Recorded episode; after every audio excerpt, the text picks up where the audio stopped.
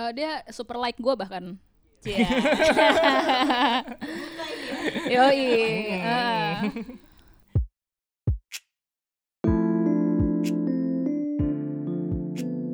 Halo teman-teman, selamat datang di podcast I Think I Wanna Date You bersama gue Ida Umama.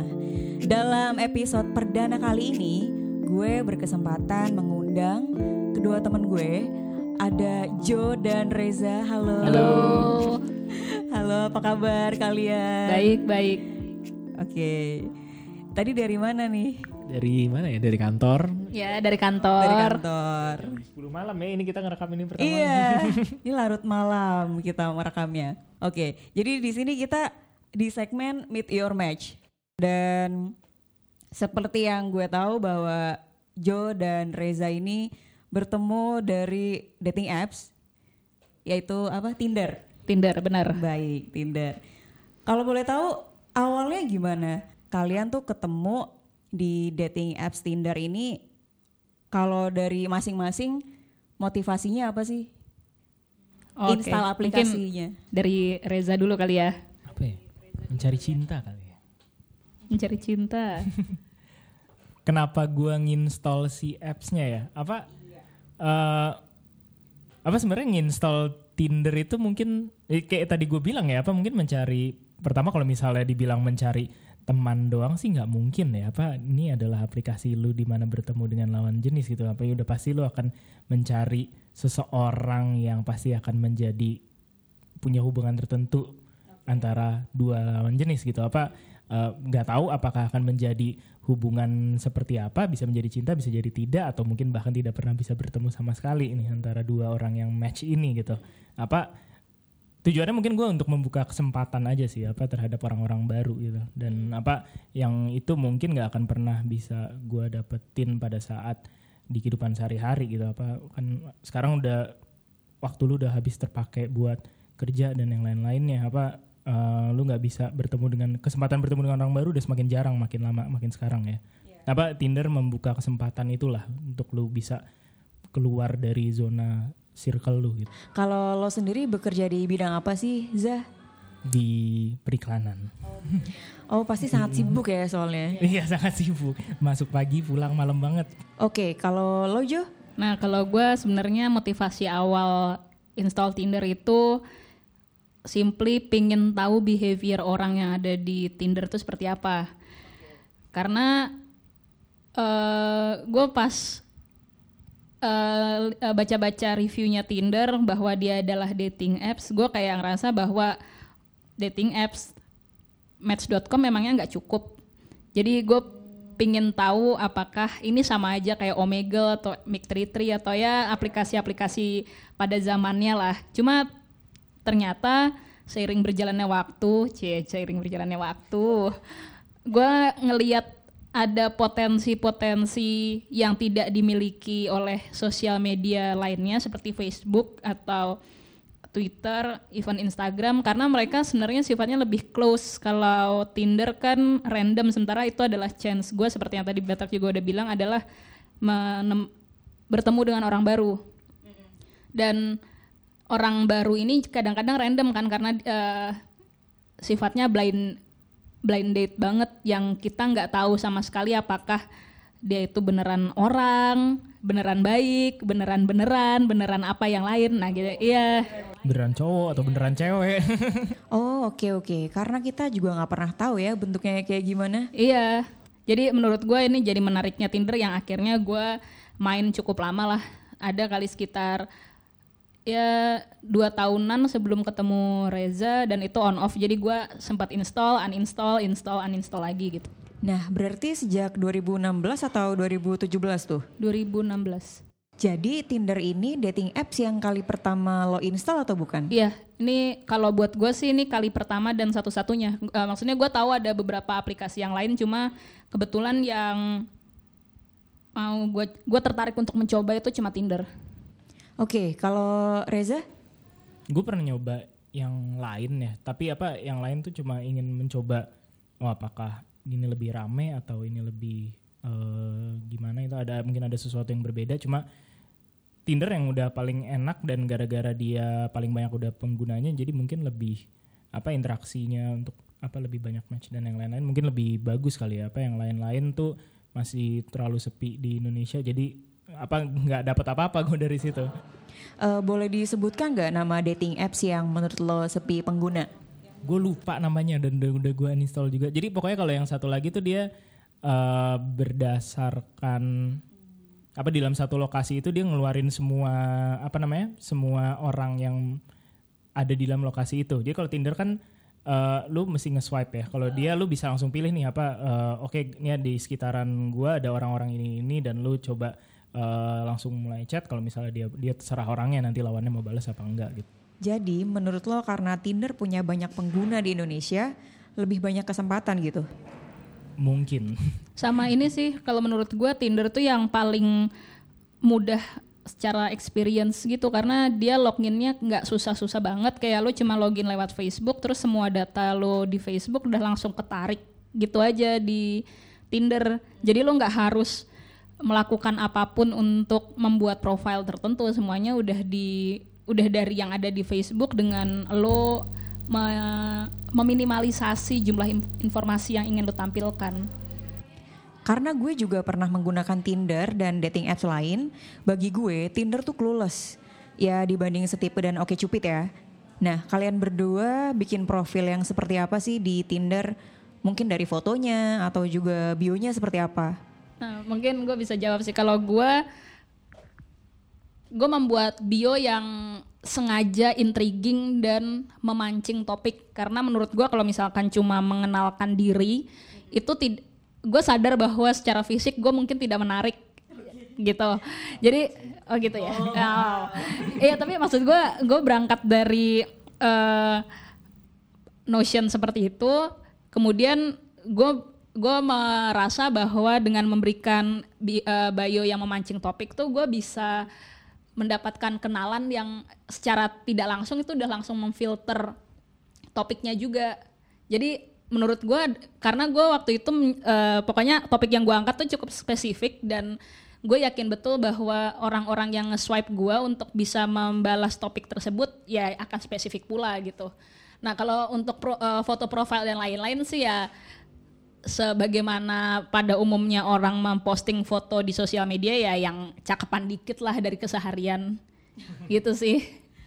Oke, tapi yang dibilang sama Jo emang cukup benar sih. Kalau misalnya eh, di Tinder mungkin ada dua hal yang paling berpengaruh ya untuk akhirnya bisa membuka diskusi apa antara rangkaian foto lu atau eh, caption di dalam bio-nya gitu. Apa eh, pada waktu itu jadi apa misal gue pernah match dengan beberapa orang dan lumayan menyebalkan kalau misalnya nggak ada topik yang bisa diangkat dari kan informasi yang kita dapat dari orang itu kan hanya sebatas berapa jumlah fotonya dan dia foto di mana terus bio-nya apa kan? Apa misalnya tidak ada informasi yang bisa gue angkat untuk membuka pembicaraan mentok-mentok pasti aduh apa nih? Masa hai basi banget gitu apa Eh, ya akhirnya dan gue sangat menyukai pada saat ada yang oh yang eh, di bio-nya ada memancing sebuah eh, topik tertentu kah? Atau di beberapa profil ada yang bisa gue tanyain atau membuka obrolan lah gitu. Apa kan ini kan platform sosial ya. Jadi udah selayaknya untuk saling bersosialisasi gitu. Apa bukan bukan cuma nunggu match dan mendapatkan the one langsung dari satu match itu doang. Apa lu ada proses interaksinya juga di situ? Dan apa ya waktu itu kebetulan Waktu itu Jo bionya apa di profil? Oh, I, fi- uh, I found puppies are more cute than babies. Oke, lalu Reza message duluan. Iya, eh, dia super like gue bahkan. Cia. Yoi. eh.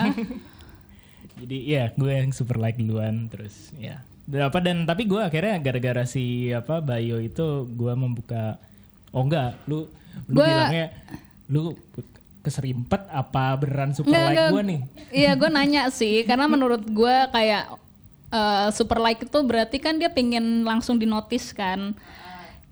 Jadi kayak kenapa nih kok pengen banget dinotis? Jadi gue bertanya ke dia. Nah, Reza ngechatnya kali pertama gimana sih waktu ke Jo? Gue lupa juga sih apa sebenarnya kalimat pertama exactnya sih gue lupa ya kayaknya Oh pokoknya sebenarnya yang nyapa duluan gua karena dia super like gua tapi eh, kemudian akhirnya bergulir aja sih obrolannya kayak gue nanyain kenapa lu super like gue gitu. Terus eh, Reza bilang bahwa oh ya karena gue pingin tahu banget nih kenapa lu lebih suka an- eh, anak anjing ketimbang bayi gitu Akhirnya berlanjutlah percakapan demi percakapan kalian ya. Iya. Nah, berapa lama sih kalian memutuskan untuk akhirnya ketemuan yuk? Kayaknya nggak terlalu lama sih, mungkin sekitar dua minggu. Eh, tapi gue nggak tahu apakah itu kalau buat kami berdua sih itu nggak terlalu lama karena bisa dibilang interaksi awal-awal kami tuh terjadinya tuh lambat banget kayak chat hari chat hari ini dibalasnya bisa besok atau dibalas malamnya gitu. Iya. Oh baiklah, lalu ketika kalian ketemu pertama, berarti kan kalian juga melanjutkan percakapan yang sudah kalian lakukan di aplikasi sebelumnya. Nah pas ketemu gimana tuh? Awkward atau enggak? Kalau apa misalnya awkward pasti dan yang pasti di awal banget adalah saling menjudge satu sama lain. Kayak apa? Kasarnya gini, eh, misalnya di Tinder kan lu hanya bisa melihat. per- menurut gue Tinder adalah tempat di mana lu menjudge orang hingga ke titik maksimal lah gitu. Apa lu informasi lu sangat sedikit jadi lu semua penilaian lu hanya berdasarkan informasi-informasi kecil gitu. Terus apalagi pada saat lu bertemu kalau misalnya dalam proses apa eh, pendekatan biasa kan misalnya dari berteman dan yang lain-lain kan lu bisa mengenal orang itu dengan banyak konteks ya. Cuma pada saat lu di Tinder udah apa pada saat lu pertama kali bertemu lu akan menilai dari ujung rambut sampai ujung jempol gitu kayak oh ini dia orang yang seperti apa, identitas apa yang dia coba bawa dan ini apa lu lu masih menerka-nerka terus-terusan gitu. Bahkan dari atribut yang dia pakai gitu kayak baju dan lain-lain. Waduh anak pang tapi bajunya streetwear nih pasti orang apa gitu. ya gitulah Ka- kami hadir dari judgement masing-masing. Tapi pas pertemuan pertama kami bertemu pun juga obrolan-obrolannya sekadar ingin meng- mengetahui satu sama lain aja sih. Lo suka apa, gue suka apa. Lebih ke obrolan introduksi aja Waktu itu kalian ketemunya di mana kali pertama? di bar. Karena kami merasa bahwa kebetulan kami berdua peminum, jadi satu-satunya bus, iya peminum, peminum air putih. iya maksudnya kami peminum alkohol dan kalau buat gue pribadi sih alkohol tuh sangat membantu untuk mencairkan suasana dan kekakuan. Iya, kalau misalkan kayak minum kopi itu cenderung kecemasannya berlipat ganda aja sih. Tapi itu buat gue pribadi, mungkin bantak mau nambah.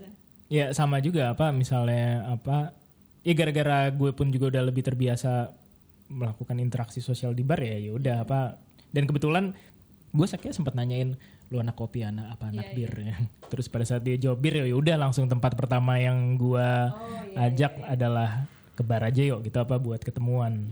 Dan ya waktu itu kita bertemu di bar lah dan ya udah seperti yang tadi dia bilang apa pertama dia si Jo langsung menilai gua, gua langsung menilai dia dan apa kita coba melempar topik untuk membandingkan interest satu sama lain gitu loh. Apakah kita punya interest yang sama dan bahkan kayak obrolan oh lu ternyata temennya ini oh lu ternyata temennya ini oh lu kenal ini. Semuanya itu di tahap pertama pasti saling membongkar eh, apakah ada kecocokan antara gua dan lu di eh, apakah ada interest yang sama gitu lah apa sebatas itu doang Dan gue sebetulnya penasaran banget, seberapa lama sih sejak kali pertama ketemu sampai kalian memutuskan untuk menjalin hubungan yang lebih intens? Nah jawabannya akan ada setelah break yang satu ini. Jadi jangan ke mana-mana karena gue akan kembali lagi di I Think I Wanna Date You.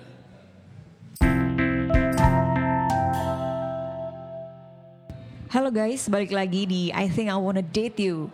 Nah, tadi kan gue sempat tanya ke mereka, berapa lama waktu yang dibutuhkan sampai akhirnya menjalin hubungan yang lebih intens? Mungkin jadi lebih dari sekedar berteman. Gimana kalau Jordan Reza nih? Hmm, jadi gini, kami tuh memang tidak pernah pacaran. Kita nggak pernah ngasih statement bahwa kita pacaran karena hubungan kami tuh benar-benar mengalir begitu saja. Terus juga obrolan-obrolannya juga nggak pernah mengarah ke percintaan gitu. Jadi sehari-hari kami memang bertemu untuk berdiskusi karena masing-masing di antara kami juga bermain dengan orang-orang di Tinder lainnya gitu. Cuma yang menarik, yang bukan yang menarik, yang bisa mempertahankan hubungan kami justru karena keterbukaan di antara kami sih. Jadi obrolan-obrolan kami itu tidak pernah ada tendensi yang mengarah pada sesuatu. Karena nggak ada tendensinya, justru akhirnya malah bisa berlanjut. Keterbukaan yang seperti apa nih? Ya apa misalnya mau ngomongin terbuka, pada saat waktu itu pun juga pas gue sama Jo apa akhirnya udah match dan udah bertemu beberapa kali, gue sempat ada ngedate dengan beberapa orang lagi dari hasil match Tinder yang lain juga gitu apa. Uh, tapi kan semuanya masih di tahap yang sama ya. Apa tapi gue cerita ke dia. Apa uh, eh gue match sama uh, perempuan yang ini nih. Uh, ya gue ngedate yang lain juga gue pergi ke sini terus apa kita apa kita melakukan ini dan ini gitu. Apa gue ceritain semuanya dan begitu pula Joe juga. Apa dia dapat match dan yang lain-lain. Apa cuma gara-gara keterbiasaan dengan keterbukaan itu ya lama-lama jadi ini enak ya apa untuk melanjutkan obrolan terbuka seperti ini terus-terusan gitu. Jadi apa uh, yang match-match yang lain itu ya hanya trivia sejenak doang. Apa udah kira kita jadi fokus ke satu sama lain akhirnya uh, lama kelamaan mungkin bisa dibilang seperti itu. Kayak apa ya ada ketidaknyambungan. Apa soalnya apa menurut gue pada saat udah match di Tinder apa akhirnya jadian dari Tinder sih nggak ada ujung-ujungnya nggak ada bedanya dengan pacaran lainnya ya. Apa itu udah masuk ke dalam proses yang sama. Pasti ada berantem berantemnya sama gara-gara uh, gua telat kah? Telat datang atau misalnya uh, gua nggak apa ada tidak cukup sensitif terhadap sesuatu pasti berantemnya pasti hal-hal yang sama gitu. Apa eh, nggak uh, bukan berarti lu jadian melalui Tinder terus ada sesuatu yang sungguh berbeda apa uh, berantemnya sama dan cara pacarannya pun juga sama nggak ada bedanya. Kan kalian mau melangsungkan pernikahan nih akhir bulan ini. Nah sebetulnya saat bagaimana sih akhirnya memutuskan menikah? Misalnya oke okay, gue akan sama Jo atau gue akan sama Reza aja. Beberapa orang masih belum percaya dan belum yakin akan mendapatkan pasangan hidup dari online dating soalnya. Menurut kalian bagaimana? Kalau buat gue pribadi sih pertama-tama yang gue lakukan adalah menghapuskan stigma bahwa online dan offline itu berbeda. Jadi maksudnya online dan offline tuh cuma mediumnya aja kok. Pada dasarnya interaksi lo tetap terjadi secara nyata, real aja. Cuma kita mungkin secara uh, mungkin tanpa sadar, entah diakui atau enggak, ada yang punya persepsi bahwa ya masa gue pacaran sama orang yang gue temuin di sosial media sih cupu amat. Kayak gue nggak bisa ngehit orang langsung di dunia nyata nembak orang langsung. Menurut gue persepsi-persepsi itu masih ada bahkan sampai sekarang walaupun kita sudah terlalu terbiasa dengan sosial media.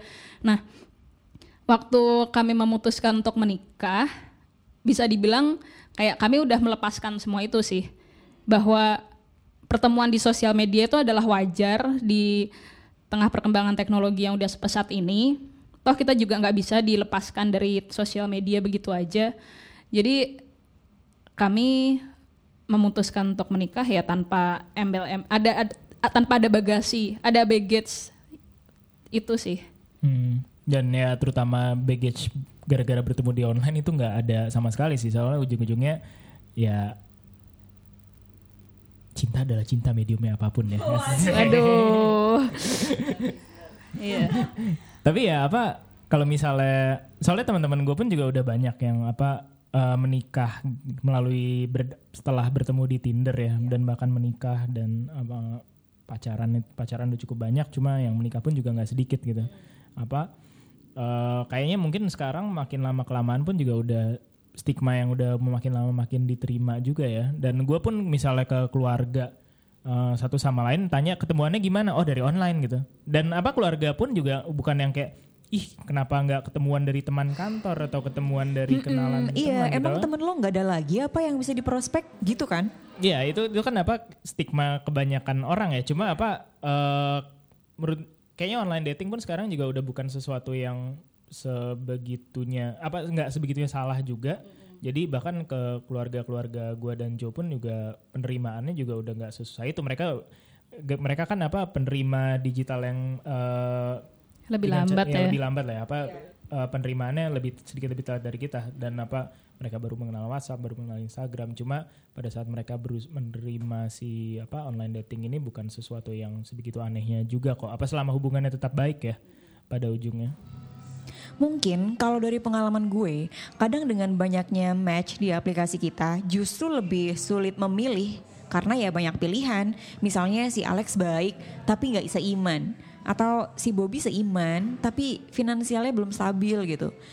Bagi kalian seperti itu juga nggak sih sulit memilih atau malah memudahkan? Kalau gue sih memudahkan ya, karena gue tahu apa yang gue mau. Jadi ketika orang gue bertemu orang A B C D E kira-kira tidak memenuhi kriteria gue ya udah langsung gue ditch aja. Maksudnya bu, eh, bukan bukan sejahat itu juga sih, cuma paling enggak gue langsung ya gue lang, udah tau lah mana yang gue mau. Kebetulan waktu ketemu Reza ada banyak kriteria yang gue tahu dengan mungkin dia tidak sesempurna itu. Cie. apa ya atas eh, atas banyak pertimbangan dan kami bisa ngelihat visi ke depan bisa seperti apa akhirnya oke this is it. Gitu sih. Hmm. Soalnya apa mungkin nambahin dikit. Kayaknya pun mau gimana pun apa misal apa misal Tinder kan sangat mempermudah lu juga ya, lu udah langsung bisa milih sebelum itu lu bisa menceritakan semuanya, lu taruh Spotify biar apa eh, musiknya kita berdua sama lah gitu. Apa it- ujung-ujungnya tuh tetap eh, balik. Kalau kalau gue mungkin apa ya sama ya gue juga tahu apa yang gue mau tapi yang eh kalau menurut gue semua orang tuh mungkin nggak akan pernah bisa dapat pasangan yang paling cocok banget ya. Apa eh, the one menurut gue nggak nggak ada. Apa eh, siapa pun itu selama lu udah memilih dia dan memutuskan untuk dia ya udah itu adalah eh, pilihan lo apa dia ada baiknya ada buruknya eh, disesuaikan berdasarkan itu kasarnya apa ada emang ada beberapa hal yang harus dikompromiin cuma itu adalah hal yang harus lu usahakan untuk bisa lu terima pada ujungnya gitu. Apa mungkin tapi ada batasannya ya apa ada hal yang bisa lu terima banget ada yang nggak bisa lu terima banget. Tapi sejauh ini iya sih itu persoalannya memang kompromi sih dalam hubungan. Makanya kayak kita selalu menekankan bahwa oke kita kita hubungannya terbuka banget. Eh, dan kita dari awal juga melepaskan diri dari komitmen dari pacaran cuma kemudian kita memutuskan untuk oke tanpa pacaran kita tapi langsung menikah. Maksudnya ya kita menjalankan hubungan se- selayaknya orang pacaran tapi kami tidak ingin mengikatkan diri dalam pelabelan tertentu gitu dalam definisi tertentu. Ya karena kadang-kadang definisi itu yang justru menjebak kita untuk jadi lebih posesif dan malah nilai kompromi komprominya tuh malah jadi kurang sementara kan dalam hubungan apalagi dunia modern tuh kan kayak memungkinkan kita untuk ketemu orang baru setiap hari sebenarnya. Walaupun dia cuma sel- selewatan aja, tapi kan tetap aja. Nah, proses kompromi di dunia modern itu sekarang ah, menurut gue sih lebih jadi lebih jadi lebih dibutuhkan. Dibutuhkan karena memang kebutuhan atau malah karena tuntutan? Bukan cuma tuntutan sih, supaya intensitas relasi antara dua orang, terutama yang lebih mendalam daripada hubungan pertemanan atau hubungan keluarga pada umumnya bisa terjalin karena mendapatkan trust zaman sekarang susah banget kan segala hal bisa dipolarisasi juga gitu. Nah itu dia, kalau bicara soal kepercayaan atau trust issue, beberapa orang meragukan ketika bertemu dari online. Sebetulnya mirip ya, mau ketemu dari offline atau dari online, kemungkinan atau risiko negatif memang selalu ada. Tapi saat ketemu orang dari ranah online, bagaimana sih lo memupuk kepercayaan terhadap orang yang mungkin akan jadi pasangan lo? Kasarnya gini apa ujung-ujungnya kan lu pada saat lu percaya lu harus bisa terbuka itu ya. Apa waktu itu ya kita balikin lagi ke online-nya. Apa namanya jadi kita sering beberapa kali kita buka lagi nih Tinder kita satu sama lain. Gue bukain Tinder dia dan lihat siapa yang match sama dia. Dan dia pun juga ngelihat Tinder gue yang siapa yang match sama dia. Dan kita saling melihat chatnya satu sama lain gitu. Apa kayak oh iya ampun buset lu ngebuka obrolan kayak gini ya. Apa kaku juga ya lu gitu. Apa Eh, itu menurut gue itu udah masuk ke ranah eh, privasi tapi pada saat lu mau ngebuka itu menurut gue itu baru letak kepercayaan tuh baru ada di situ gitu. Apa nggak ada hal yang apa nih nggak ada hal yang gue tutupin lagi nih. Apa lu bisa melihat apa yang terjadi pada saat gue dulu ngechat-chatan bareng lu selain lu siapa lagi sih yang gue chat? Dan siapa lagi gue berkelakuan apa aja di luar sana ya dia tahu semua. Dan gue pun juga tahu apa yang dia lakukan juga di dalam Tinder itu. Mungkin itu salah satu caranya ya. Apa dan mungkin itu kalau di dunia digital mungkin ya kan semua orang takut ya apa chatnya diliatin lah sama pasangannya dan yang lain ya cuma apa kalau it- pada saat kita ngeliatin itu aja masih takut berarti apakah lu adalah orang yang layak dipercaya juga apa nggak tahu juga kan jadi ya Dan sebetulnya kesepakatan masing-masing juga kan. Apakah gue boleh melihat isi chat lo dan lo bisa tahu isi chat gue? Iya, ya itu tanpa paksaan kok. Tapi kemudian yang bikin kami juga bisa memupuk, memupuk kepercayaan satu sama lain adalah eh, hubungan sosial media yang lain. Maksudnya dia kan punya Instagram, gue punya Instagram. Oh dia temennya ini ini. Jadi trackingnya lebih gampang sih sebenarnya. Menurut gue kekepoan di sosial media itu cukup penting juga. Ya penting-penting nggak penting ya. Gimana sih itu kan pisau bermata dua gitu. Tergantung lo menggunakannya untuk apa dan sejauh apa. Cuma ketika akhirnya lo bisa mengetahui seseorang tanpa lo harus bertanya langsung, menurut gue sih itu bisa pertama lo mendapatkan informasi yang cukup, terus tinggal nanti lo konfirmasi aja ketika sudah siap atau informasinya sudah terkumpul semua. Ya itu balik lagi sih ke pilihan masing-masingnya. Oke, terakhir dari gue nih. Menurut kalian gimana sih untuk meneguhkan diri lagi di online dating karena misalnya ada pengguna yang pernah tertipu. Di profil tertulisnya cowok dan segala identitasnya meyakinkan bahwa dia cowok. Nah, pas ketemu ternyata cewek gitu. pertanyaannya sebenarnya luas ya apa eh, dan sedikit sulit kayak misalnya itu nanti ujung-ujungnya akan balik ke ke pribadinya masing-masing juga ya apa kesialan tuh udah pasti akan selalu ada lah cuma eh, mungkin apa enaknya adalah pada saat kasarnya gini ini kan sebenarnya Tinder itu adalah sesuatu yang bagus ya gara-gara lu membuka eh, sos- dunia sosial terutama dalam dating tuh jadi lebih mudah gitu.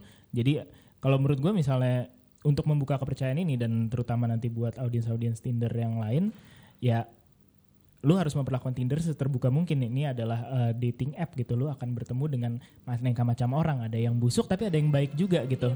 Jadi memang harus menyiapkan diri berarti ya. lu emang harus siapin. Lu nggak pernah tahu siapa yang akan lu temuin di balik Tinder ini di balik profil ini gitu. Tapi bukan berarti lu harus tertutup dan menjaga diri jauh-jauh banget nih dari orang ini. Soalnya nggak akan terjadi interaksinya jadi ya pada saat lu menutup diri si orang ini pun juga ikut menutup diri dong. Dia pun juga semakin lama ah nih Tinder jadi lama- makin lama nggak ada gunanya nih gue mendapatkan orang tertutup terus gitu. Kan tujuannya ini kan mempermudah interaksi sosial ya dan dipermudah lagi lah dengan lu memberikan uh, interaksi yang lebih terbuka sama orang yang match dengan lu gitu kasarnya. Mungkin itu yang bisa bikin Tinder bermain Tinder jadi lebih enak ya. Tapi ya dan again jangan melakukan hal-hal buruk juga di dalam situ apa jangan ngomong-ngomong ya mencoba sesuatu yang aneh-aneh gitu apa ini kan tetap bersosialisasi ujung-ujungnya Oke, kalau dari Jo ada tambahan lagi kah mungkin? Iya, kalau menurut gue sih mau di dunia nyata dan juga di sosial media sekalipun orang yang tidak bertanggung jawab itu pasti ada. Jadi sebenarnya tinggal bagaimana kita sebagai pribadi juga bisa lebih berhati-hati aja sih dan lebih peka apakah orang ini punya maksud tertentu atau tindakan-tindakan yang menjurus ke perilaku tidak bertanggung jawab dan lain-lain. Tapi menurut gue sih yang justru menarik dari sosial media adalah misalkan kayak di Tinder gitu kan sifatnya anonimus banget ya. Jadi kadang-kadang malah surprise-nya ada di situ sih. Tinder itu justru memberikan kejutan-kejutan yang kadang-kadang nggak pernah lo duga sama sekali akan terjadi nih di Tinder. Lo bisa aja ketemu orang yang kayak wah anjir di fotonya super cakep tapi atau apa apa apa ternyata pas ketemu wah kok beda banget gitu. iya, atau foto temennya yang ternyata kita salah sangka bahwa itu ternyata adalah Iya. Ternyata dia di belakang paling ujung. Nah, atau foto yang bertiga dan kita nggak bisa nebak yang mana kan? Iya, gitu sih. Dan juga sifat kadang-kadang kan maksudnya di chat dia bisa sangat ramai dan lain-lain tapi ternyata pas ketemu kayak super pendiam dan lain-lain itu wajar sih, wajar banget terjadi dan ya tinggal bagaimana lo mau menikmati surprise-surprise itu. Oke, jadi memang harus ada keterbukaan, lalu juga siap dengan risiko yang akan kita terima. Dan menurut gue jangan berharap sesuatu yang sangat apa ya? Iya sih, yang penting tuh emang Eh, yang lu harapkan adalah bertemu dengan orang baru aja. jadi jangan berekspektasi apa-apa bahwa goalnya itu. Dan bahwa nanti di ujung lo menemukan tambatan hati lo, ya persoalannya beda lagi. Itu rezeki lo aja iya, ya itu sih ya. rezeki lo aja sih. Gitu. Jadi gue belum dapat rezeki dong ya. Baiklah, sepertinya kita sudah mengobrol cukup lama ya dan gak terasa segitu dulu di sesi kali ini. Makasih banyak Jo dan Reza. Sama-sama. Semoga pernikahannya Sama-sama, lancar Ida. dan jangan lupa undang gue ya. Tentu. Terima kasih buat kalian yang udah dengerin podcast I Think I Wanna Date You di segmen Meet Your Match. Tunggu keseruan dan keajaiban kisah-kisah lain. Sampai jumpa di episode berikutnya.